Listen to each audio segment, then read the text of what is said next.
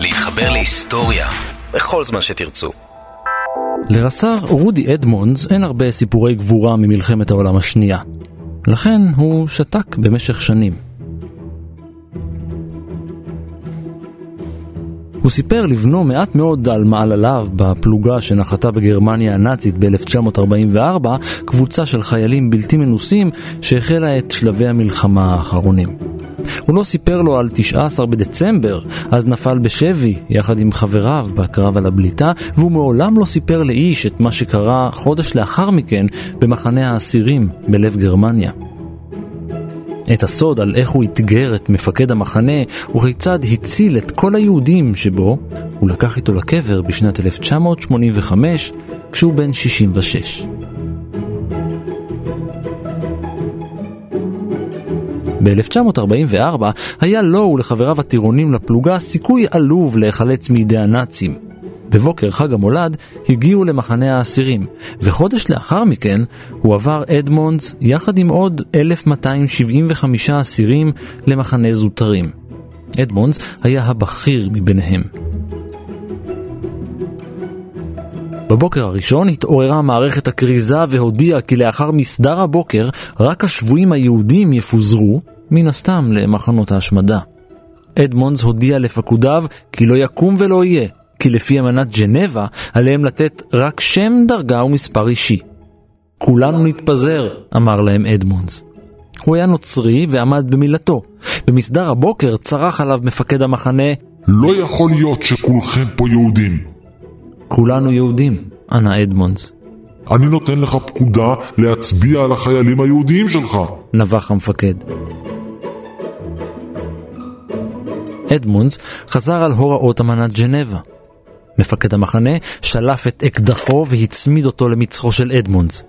תצביע על החיילים היהודים או שאני יורה בך במקום. אם תירה, אמר אדמונדס, תצטרך להרוג את כולנו, ואז תעמוד למשפט על פשעי מלחמה אחרי שננצח את המלחמה הזו.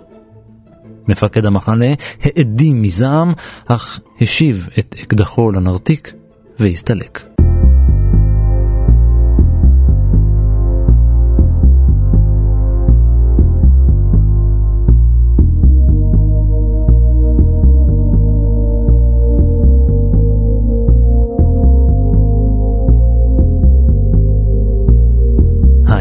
אני רן מנהר ואתם על מנהר הזמן. מדי פרק אנחנו מספרים לכם על מקרה שקרה בעבר מזווית שכנראה עוד לא הכרתם. הפעם אנחנו יוצאים למסע. מסע אל טבע האדם, שניצח מלחמה אחת חשובה וזכה באמנת ג'נבה. זה יהיה מסע שייקח אותנו אל אגן הים התיכון המערבי, אל צפון אפריקה, מסע שמתחיל דווקא במדינה בלי חוף ים, שווייץ.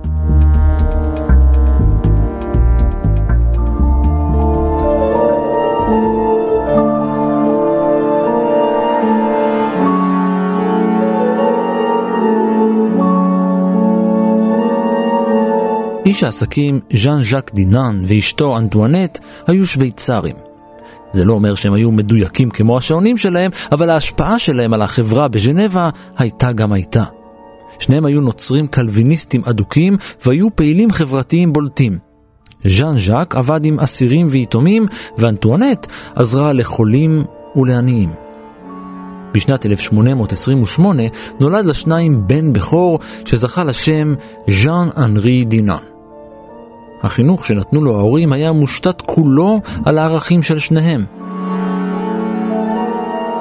זו הייתה תקופה של התעוררות דתית בשוויץ. תקופת הרבל, 1814 מתחילה, תקופה של התעוררות דתית, בעיקר בקרב הכנסייה השוויצרית. זהו יונתן סבן, מהוועד הבינלאומי של הצלב האדום. שאחד מהעקרונות שלה בעצם הייתה החידושים, הייתה שהיא קידמה או הכירה לצרפתים, לפרוטסטנטים, קלוויניסטים, את כל הנושא של אה, נצרות סוציאליסטית. שבעצם אה, יותר לעזור, המחויבות של הנוצרי לעזור ו- ולעסוק בצדקה, וזה בעצם החינוך שעליו גדל אה, דינן.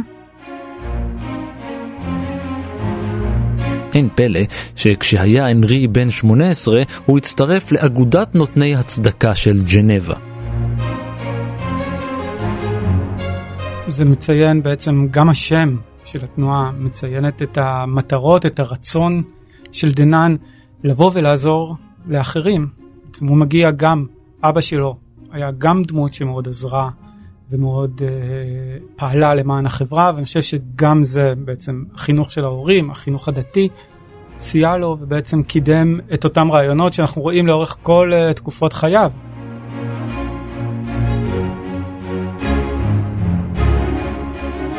במקביל ללימודים אליהם נרשם בקולג' קלווין, אחרי שנה, כשהוא בן 19, ארגן כמה מהחברים שלו, ויחד הם הקימו את התאחדות יום חמישי. קבוצת צעירים שנפגשים, לומדים תורה ועוזרים לנזקקים.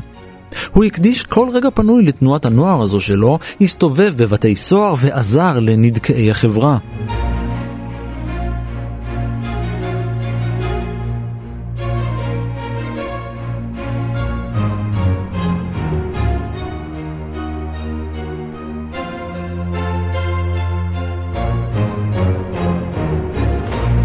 לא עבר הרבה זמן, והעבודה ההתנדבותית שלו נתנה את אותותיה. הציונים שלו במכללה הלכו וירדו, הלכו והידרדרו, הלכו וצנחו. הוא הונשר מהמערכת. בלית ברירה, הלך לחפש עבודה. הוא נכנס כשוליה ומתמחה אצל חברת חלפני הכספים לולין וסוטר, ואחרי תקופה לא קצרה שם, הוא הוכשר ונשאר לעבוד בבנק המכובד.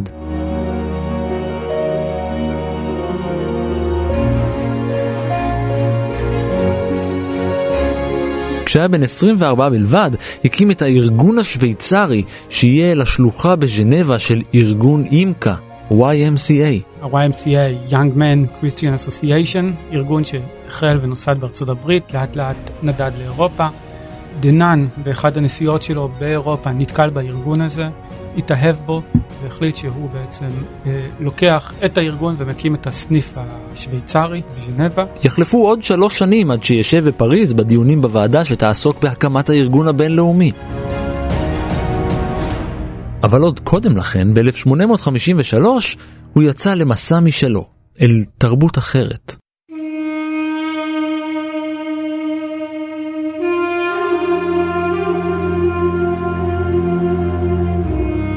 הוא ביקר באלג'יריה, בתוניסיה ובסיציליה. הוא היה בשליחות מטעם חברה אחת למושבות סטיף, הקולוניות השוויצריות בסביבות העיר סטיף באלג'יריה.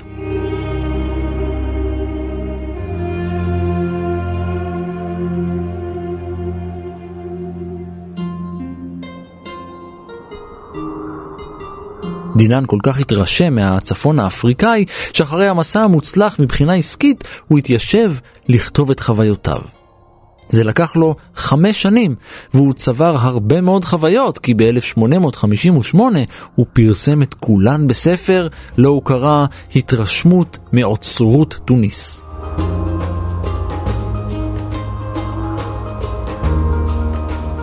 פרק מיוחד שפרסם בנפרד נקרא עבדות בקרב המוחמדים ובארצות הברית של אמריקה. אחד הנושאים שבאמת הטרידו את דינן זה גם נושא העבדות.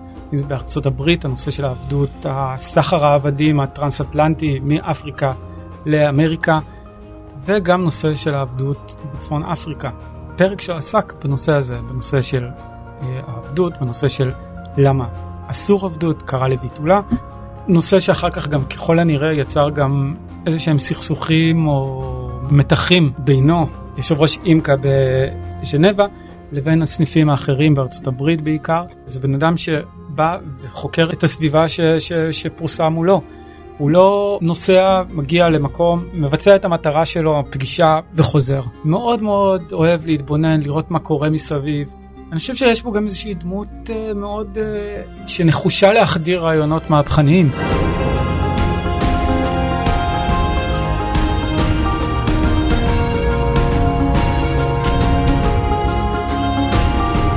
בין לבין, ותוך כדי כתיבת הספר והפקתו, הקים לעצמו עסק. כיוון שהושפע עמוקות מהחוויה בצפון אפריקה, זה היה עסק שאמור היה לפעול רק במושבות צרפתיות זרות.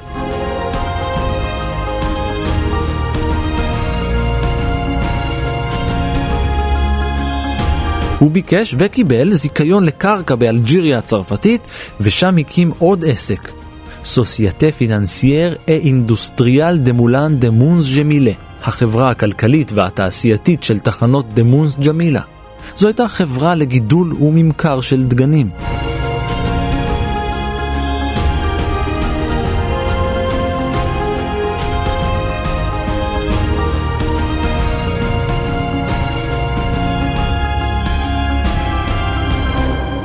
על מנת בעצם לקדם ולהפעיל את אותה חברה היה נדרש באמת לקבל זיכיונות מהממשל הצרפתי שהיה באותו זמן. אנחנו מדברים על נפוליאון השלישי שעוד מעט נפגוש אותו גם בהמשך, בעצם הוא היה צריך לקבל את אותם אה, רישיונות שלאט לאט כנראה ככל הנראה לא הגיעו. הזכויות על המים ועל האדמה לא הועברו בצורה תקינה והרשויות לא הסכימו לשתף איתו פעולה. אבל דינן לא הרים ידיים.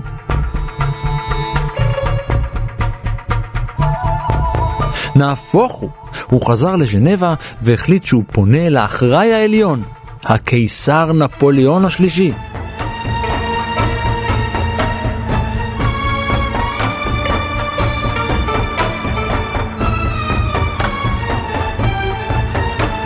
כדי לעשות את זה, הוא היה חייב לפגוש אותו פנים מול פנים, טט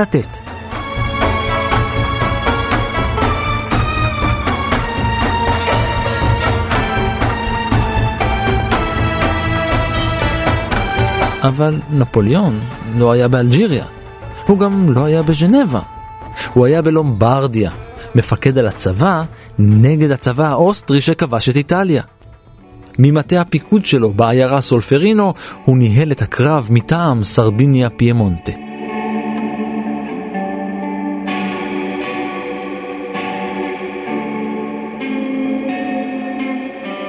דינן כתב רשימה ארוכה ביותר, כמעט ספר שלם, וכולה שבחים והלל לקיסר הצרפתי. חנופה, הוא חשב, תיקח אותך רחוק. הוא יצא לסולפרינו על מנת לתת את הספר שלו לנפוליאון אישית.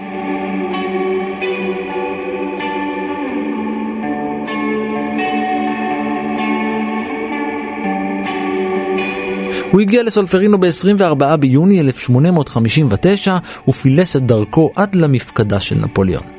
הוא הגיע בדיוק בזמן, בדיוק כשנגמר קרב סולפרינו, אחד מהקרבות המגואלים בדם במאה ה-19. אז אנחנו מדברים בעצם על קרב סולפרינו 1859, למעלה מ-150 שנה מעכשיו. קרב שנערך בשדה הקרב, קרב קלאסי, צבא, צבא מול צבא, פרשים, אה, חיל רגלים. ודנן מגיע לאחר הקרב.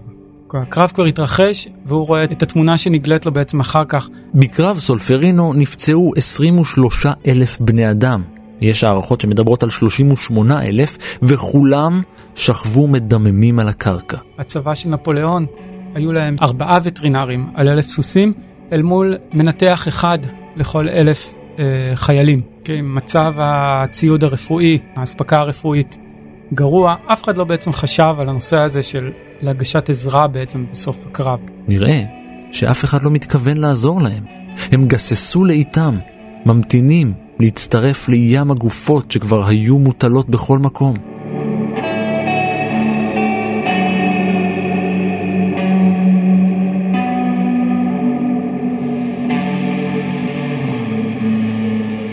הוא מגיע לשם, והוא מחליט לעצור את הנסיעה שלו. כיוון שנראה שאף אחד לא עומד לעזור לפצועים, דינן לקח על עצמו את האחריות והחל לדרבן את האוכלוסייה המקומית. הוא ארגן את התושבים, הנשים והילדות לטפל בפצועים והחולים. אבל החוסר בציוד רפואי ובתנאים היה חמור. דינן עצמו דאג לרכישת חומרים נוספים ולהקמת בתי חולים שדה. הוא נוסע, שולח את העוזר האישי שלו לעיירה ברשיה באיטליה, צפון איטליה, כדי להביא תחבושות, אה, טבק, סיגריות לפצועים. החלק החשוב ביותר בכל מה שעשה בסולפרינו היה לדאוג לכך שכולם יעזרו לפצועים בלי שום קשר לאיזה צד הם שירתו בקרב. פצוע הוא פצוע, בן אדם הוא בן אדם, אמר דינן, טוטי פרטלי. כולם אחים.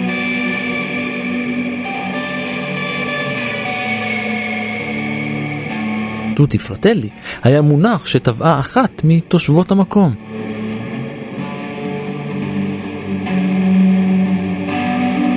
דינן אפילו הצליח לשחרר ולגייס לטובתו עוד רופאים, אוסטרים, שנפלו בשבי הצרפתי.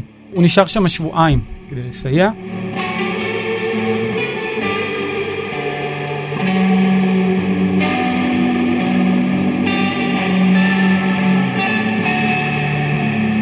אפשר להבין למה לאירוע כזה הייתה השפעה עמוקה ביותר על דינן. בכל זאת, האיש הגיע מרקע פילנטרופי, ממקום מאוד הומני וסוציאלי. אחרי שחזר לז'נבה בתחילת יולי, דינן התיישב לעכל את מה שעבר עליו. התרפיה הטובה ביותר מבחינתו הייתה כתיבה. אז הוא התיישב לכתוב. ב-1862 פרסם את הספר זיכרונות מסולפרינו. ואז הכל השתנה.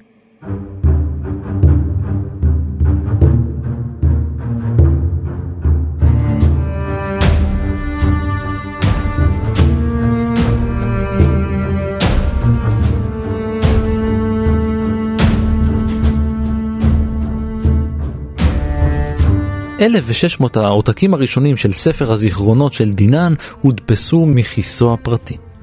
בספר הוא מתאר קודם כל את הקרב. אחר כך הוא מספר בו על מה שקרה בשדה הלחימה אחרי שהדם הפסיק לזרום. הוא מציג את הבלגן, המהומה, הייאוש והסבל מכל סוג, את מאמצי האחים והאחיות המאולתרים, את התגייסות התושבים. בחלק השלישי של הספר פורס דינן תוכנית שאפתנית הוא מעלה איזה רעיון חדש ומשונה, לפיו בעתיד צריך להתקיים ארגון ניטרלי שיטפל בחיילים פצועים. הארגון הזה יהיה יוזמה של מדינות העולם.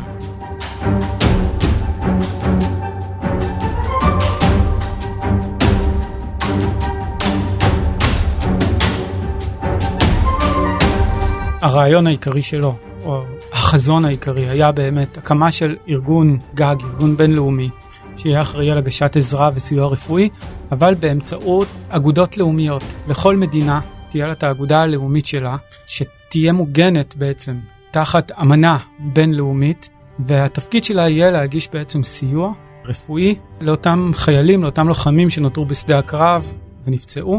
אמנה בינלאומית שתקבע שאותם צוותים רפואיים הם צוותים מוגנים שאין לפגוע בהם וגם קובעת כיצד לנהוג באותם חיילים פצועים. נגמרו הימים, לדעת דינן, שאפשר לקחת חיילים פצועים בשדה הקרב למשל, או לקחת חיילים בשבי ולירות בהם ולהוציא אותם להורג, כי הם מהווים מעמסה על הצד שלחד אותם, ששבה אותם. אחת הנקודות היותר חשובות, באמת החשובות אולי, שדיברת עליהן, זה העקרונות, אותן עקרונות של ניטרליות. הארגון הזה הוא ארגון ניטרלי, שלא ייקח שום צעד ושום, לא יצודד בשום צעד, והיעדר משוא פנים. בעצם לטפל בכולם. פצוע גם אם הוא האויב שלנו, או גם אם הוא האדם הכי נורא שעלי אדמות, אבל עכשיו הוא פצוע, הוא לא יכול להילחם, אנחנו נסייע לו.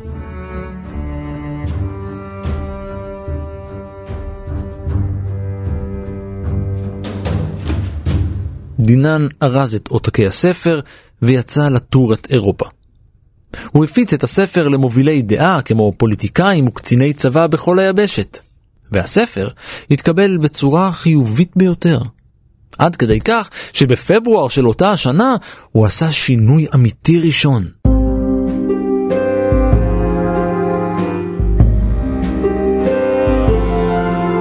בתחילת החודש התכנסה אגודת ז'נבה לרווחת הציבור, וחבריה החלו בדיונים סביב ספרו של דינן. אוקיי, okay, אז שוב, ברוח הרביל השוויצרי, עמותה, או אגודה בעצם, קבוצה של אנשים שגם כן החליטה שהיא רוצה לפעול על מנת לשנות ולקדם כל מיני אה, תהליכים חברתיים בנושא של אה, תנאי אסירים בבתי כלא. גם תחום אני חושב שהוא מאוד מהפכני, כלומר אם אנחנו חושבים על זה, כלומר אסיר באירופה או אסיר בכל רחבי העולם באותה תקופה לא נחשב כאדם שיש לו יותר מדי זכויות. וזה אנשים שבעצם החלו להקים חשיבה חדשה, תפיסה חדשה בעולם, אה, ובעצם הם פוגשים את, אה, או נתקלים, קוראים את הספרים של אה, דינן. את הספר שלו, ונפגשים. יושב ראש האגודה, גוסטב מויניה, ממש התחבר לרעיון של דינן. כתוצאה מהדיונים הוחלט על הקמת ועדה מיוחדת של אגודת ז'נבה לרווחת הציבור. היו בוועדה חמישה חברים, אחד מהם דינן, והם בחנו דרכים יעילות למימוש חזונו. בין החברים היה גם מויניה ומפקד הצבא השוויצרי וגם שני רופאים. אחרי שכולם למדו את החומר, חברי הוועדה התכנסו לדבר על זה ב-17 בפברואר 1863. הפגישה הזאת והתאריך הזה נכנסו לדברי הימים כיום ייסודו של ארגון הצלב האדום.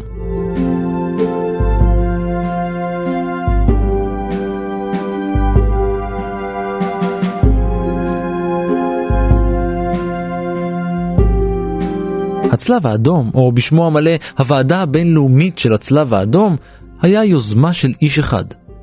כיום הוועדה מונה 25 חברים והיא פועלת תחת החוק ההומניטרי הבינלאומי לשמירה על החיים ועל כבודם של הנפגעים בסכסוכים מזוינים, לאומיים ובינלאומיים. זה ארגון בינלאומי, ארגון שוויצרי פרטי, והוא קיבל שתי משימות מאוד מאוד ברורות, להגן ולשמור על כבודם של אה, קורבנות מלחמה ומצבי אלימות, ובעצם לקדם את החוק ההומניטרי, לקדם את הציות ואת החוק ההומניטרי הבינלאומי.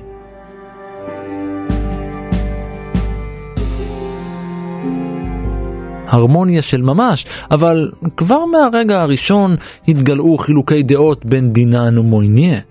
לא רק בקרב בין השניים על הנהגת הוועדה והארגון, אלא גם רעיונית. זה לכלוך פוליטי, אנחנו גם נשמע את לאן הובילה היריבות הזו, כלומר הגיעה לפרטים מאוד מאוד קטנים, ושאתה אומר בין אנשים בוגרים מה עובר עליכם, אבל בעצם הייתה איזושהי יריבות, מוניה היה יותר פרגמטיסט שניסה לקדם את הרעיונות בצורה יותר פרגמטית, הוא לא האמין למשל בנושא הניטרליות אה, של הדינן, אה, אבל דינן בעצם באמת נלחם על אותו רעיון, על אותם עקרונות, על אותו רעיון להקים ארגון ניטרלי בינלאומי, אה, ואני חושב שבעצם זה מה שהתחיל להוביל את, אותו, את אותה איבה, את אותה יריבות, את אותם מתחים ביניהם. דינן מצידו היה נחוש. אחרי שהוקם, מתוך כוונה להיות ארגון, היה צריך להפוך אותו לארגון. וכדי שזה יקרה, דינן היה צריך לגייס למיזם שלו כמה שיותר מדינות.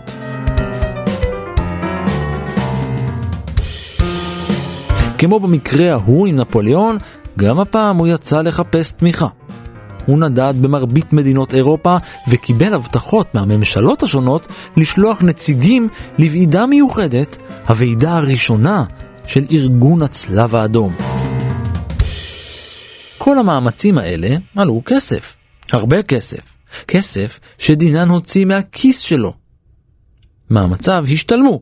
באוקטובר 1863 התקיימה בז'נבה הוועידה המיוחלת בהשתתפותן של 16 מדינות. הישג של ממש. רק מה, דינן עצמו לא לקח בוועידה חלק פעיל. בשל המאבק בינו ובין מויניה, דינן ישב ושימש רק כרשם הפרוטוקול.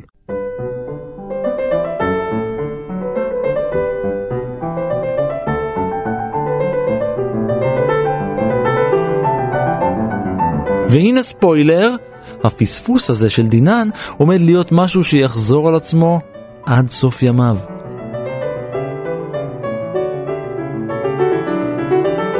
למשל, שנה חלפה, ובוועידה הדיפלומטית של הפרלמנט השוויצרי, בקיץ 1864, נרשם עוד הישג היסטורי.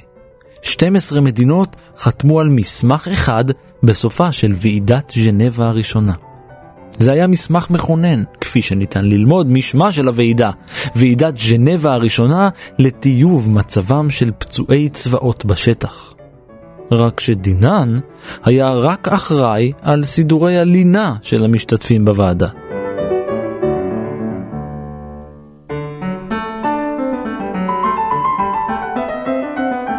אמרת יפה מאוד את שמה של אמנת ג'נבה, היא זו שמגדירה בעצם את, המת... את תפקידה ואת הכללים והחוקים בה. המטרה היא להטיב עם מצבם של חיילים פצועים בשטח ועם שבויי מלחמה. כרגע אנחנו מדברים על חיילים בשדה הקרב, על הקרקע. כמה שנים לאחר מכן מגיעה אמנת ג'נבה השנייה, שמוסיפה גם ומתייחסת לנושא להטבת מצבם של אה, לוחמים בים. אנחנו מתקדמים, יש את אמנת ג'נבה השלישית ואמנת ג'נבה הרביעית, אה, שאמנת ג'נבה הרביעית לאחר מלחמת העולם השנייה, שמתחילה לדבר גם על נושא של הגנת אזרחים בזמן סכסוך, עד עכשיו יש פה באמת דיסוננס כבד, זה אחת הביקורות היותר גדולות גם על דנן. אחת הטענות הייתה שבעצם הוועד הבינלאומי של הצלב האדום בעצם הפך את המלחמה למשהו קל יותר, או משהו הומני יותר, כי הוא אומר, אתם יכולים להילחם, אבל אל תעשו את זה ואל תעשו את זה. בעצם במקום לקרוא לכך שיפסקו כל המלחמות. אבל מה שאנחנו בעצם בוועד הבינלאומי של הצלב האדום, ב-ICRC אומרים, שמלחמות זה גזירת גורל. אנחנו מבינים שמלחמות היו ומלחמות יהיו. אנחנו לא יכולים למנוע את זה, ואנחנו, מה שאנחנו יכולים לעשות זה למנוע מאלה שאינם מעורבים בלחימה, בעצם לא להיפגע, להישאר מחוץ לכללי, מחוץ, ל, מחוץ ללחימה, וגם אלו שהפסיקו להילחם, שכבר לא לוקחים חלק פעיל בלחימה, יהיו איזה שהם כללים שישמרו עליהם. המטרה היא לא להעריך את, אה, להעריך את הלחימה, אלא למנוע סבל מיותר. כדי לזהות את כוחות הסיוע ההומניטריים של הארגון בשדה הקרב, הוחלט בוועידת ג'נבה על סמל מיוחד שיישאו. דגל לבן, ועליו צלב אדום.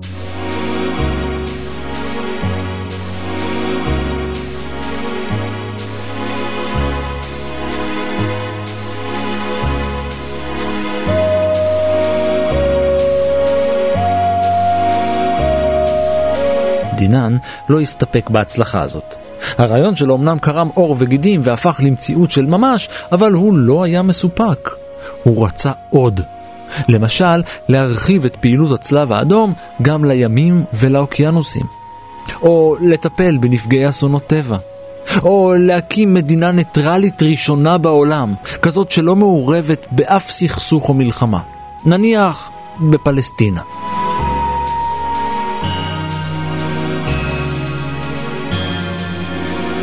ב-1866 הוא כתב מסמך בנושא. הכותרת האגודה העולמית והבינלאומית להחייאת המזרח. הוא מעלה שם איזשהו רעיון אה, להקים אה, קולוניה, קולוניה ניטרלית בפלסטינה של אז. שנה לאחר מכן, ב-1867, הוא יזם ספרייה בינלאומית לשמירה על היצירות הספרותיות הגדולות של המין האנושי. ב-1872 הוא כינס ועידה מיוחדת על מנת להקים מסדר בינלאומי שידון ויטפל בסוגיית שבויי מלחמה, ובכלל, שיקים גוף משלו, מעין בית משפט בינלאומי, שם אפשר יהיה ליישב סכסוכים בין מדינות במקום באמצעות מלחמה.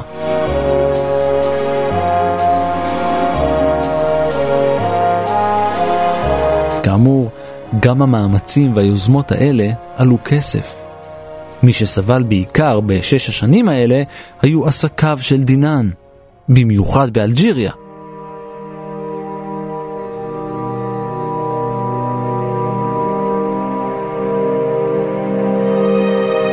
ב-67 למשל, הזכויות על המים לא התקבלו, ניהול החברה היה כושל, ותשומת הלב של דינן עצמו הייתה נתונה בעיקר ליוזמות ההומניטריות שלו.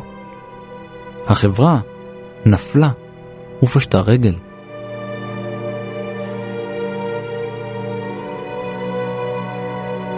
בית המשפט בז'נבה גינה אותו בשל ניסיונות הונאה בתהליך פשיטת הרגל. הקמה של איזושהי חברה פיקטיבית שנועדה להשיג מימון נוסף אה, עבור העסקים שלו. השמועות אומרות שמוניה פעל מאחורי הקלעים מול נותני האשראי של אה, דינן כדי שיפסיקו לתת לו אשראי.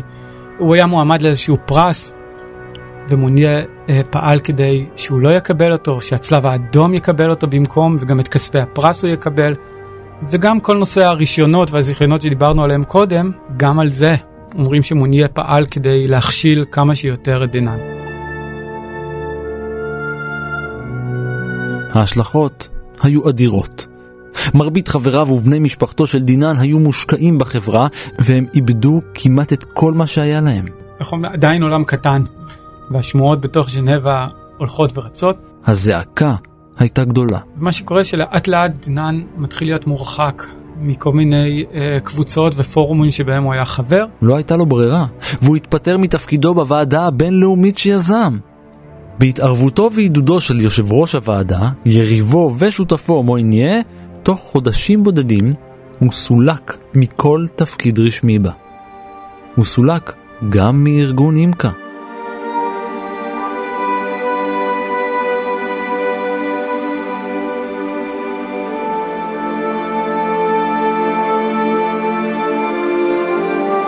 בלי חברים ועם משפחה שדי כועסת עליו, דינן לא מצא את עצמו בז'נבה. תוך שנים אחדות הוא חי כמו קבצן, אוכל מהיד לפה, לפעמים ניזון רק מהקשה של הלחם, ישן בפתחי בתים חסר כל. הוא עזב ועבר לפריז. הוא לא יחזור עוד לז'נבה לעולם.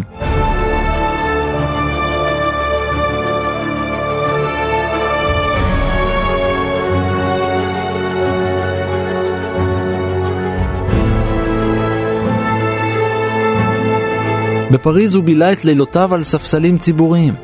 את ימיו הוא העביר בניסיונות נוספים לקדם את מטרותיו ההומניטריות. באחד הימים הוא זומן לארמון טילרי על ידי הקיסרית אוז'ני בכבודה ובעצמה. היא רצתה להתייעץ איתו בנוגע לאותה הרחבה של אמנת ז'נבה על חיל הים. ב-1870 פרצה מלחמה. מלחמת פרוסיה-צרפת, שנמשכה שנתיים, הייתה מקור השראה נוסף עבורו. אז הוא העלה במוחו את אותו רעיון להקמת בית משפט בינלאומי. באותה מלחמה דאג דינן לבקר את הפצועים שהגיעו לפריז ומימש עוד רעיון. הוא הציע להצמיד תג מיוחד לגופות ההרוגים כדי לזהות אותן.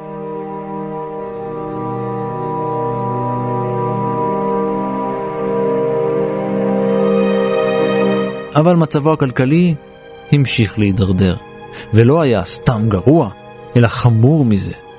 הוא לא היה חסר כל, כי עכשיו הוא היה גם בחובות. במשך עשור הוא חי בעוני מחפיר. נודד מעיר לעיר ברחבי אירופה. הוא חי ברומא, בקורפו, בבאזל, בשטוטגרד, בלונדון, שם הוא גם התחיל לקבל מדי חודש כסף מקרובי משפחה רחוקים, ושם גם יזם את ועידת הטיפול בשבויי מלחמה. בסוף, הוא השתקע בהיידן שבשוויץ. החיים הקשים שעבר והאנרגיה הנפשית האדירה שהשקיע ביוזמות הנעלות שלו, גבו את המחיר מדינן. בריאותו הידרדרה, וב-30 באפריל 1892 הוא עבר לגור במרכז לטיפול תומך. הוא חי בחדר מספר 12 במשך 18 שנים נוספות. אחרי שלוש שנים מתוכן, העולם גילה אותו מחדש.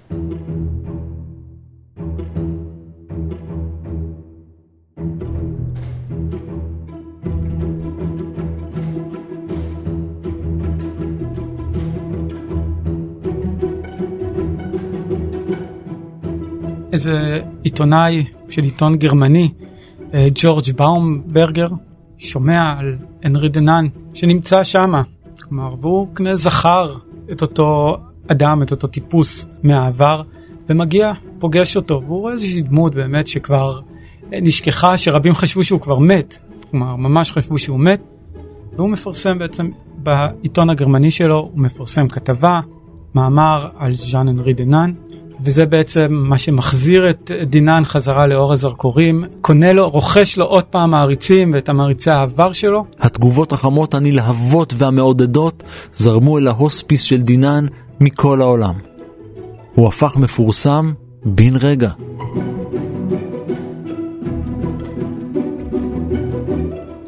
ב-1901 הוא הוכרז כזוכה פרס נובל לשלום.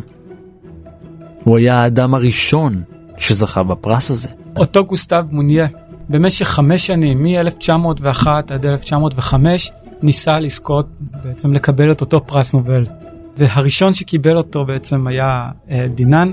מוניה קיבל את הפרס יחד עם אדם נוסף, אה, פרדריק פיסה. דיברנו על אותה ביקורת שהייתה על אה, דינן, על ה... בעצם שהוא מסייע לתחזק את המלחמות. פיסה היה בדיוק ההפך. החליטו כדי ש... להקל על הביקורת, יצרפו אדם פסיפיסט לפרס. למרות מצבו הכלכלי הקשה, דינן לא השתמש בכספי הפרס אותם תרם. חלק לאנשים שעזרו לו וטיפלו בו, חלק להוספיס עצמו, כשהוא מבקש שתמיד יהיו מיטות פנויות עבור העניים במקום, ואת השאר ליוזמות פילנטרופיות בשוויץ ובנורבגיה. אגב, ארגון הצלב האדום זכה בפרס נובל שלוש פעמים בשל פעילותו.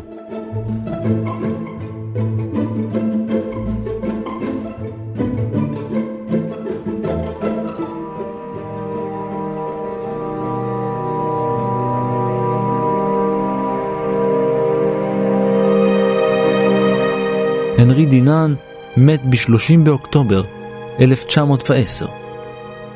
על פי צוואתו, הוא ביקש שיישאו אותו לקברו כמו כלב. אוקיי, okay, אז המשמעות, ניסיתי להבין באמת מה, מה אומר לשאת אותי כמו כלב. אז הבקשה שלו הייתה בעצם שהוא יינשא בארון קבורה אה, פשוט, וייקבר ללא הספדים, ללא מילים, פשוט ייקבר, ובזה, איך אומרים, יתום סיפור חייו. ומה עם רס"ר רודי אדמונד שסירב להסגיר את חייליו היהודים ודבק באמנת ג'נבה? מדהים ככל שזה יישמע, את הסיפור הזה לא שיתף אדמונדס עם משפחתו. מעולם. רק ב-2009 חיפש בנו מידע על אביו בגוגל כדי לראות מה יוכל לגלות. אחת התוצאות הדהימה אותו. בשנות ה-70 הנשיא ריצ'רד ניקסון רכש בית מאחד בשם לסטר טאנר, חייל שהיה שבוי יחד עם אביו. ורק אחרי שנתיים הצליח להגיע אל האיש עצמו, בן יותר מ-90, וגילה את ההיסטוריה האמיתית של אבא שלו.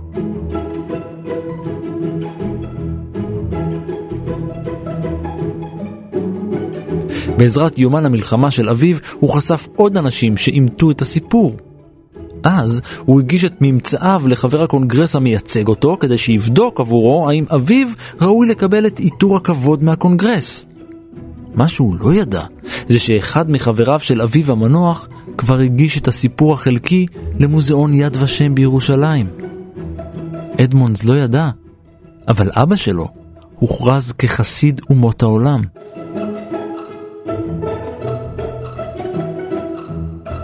זה קרה בפברואר 2015, והוא החייל האמריקאי הראשון שנוסף לרשימה. עד היום, קריס אדמונדס לא יודע מדוע אביו לא שיתף אותו בסיפור.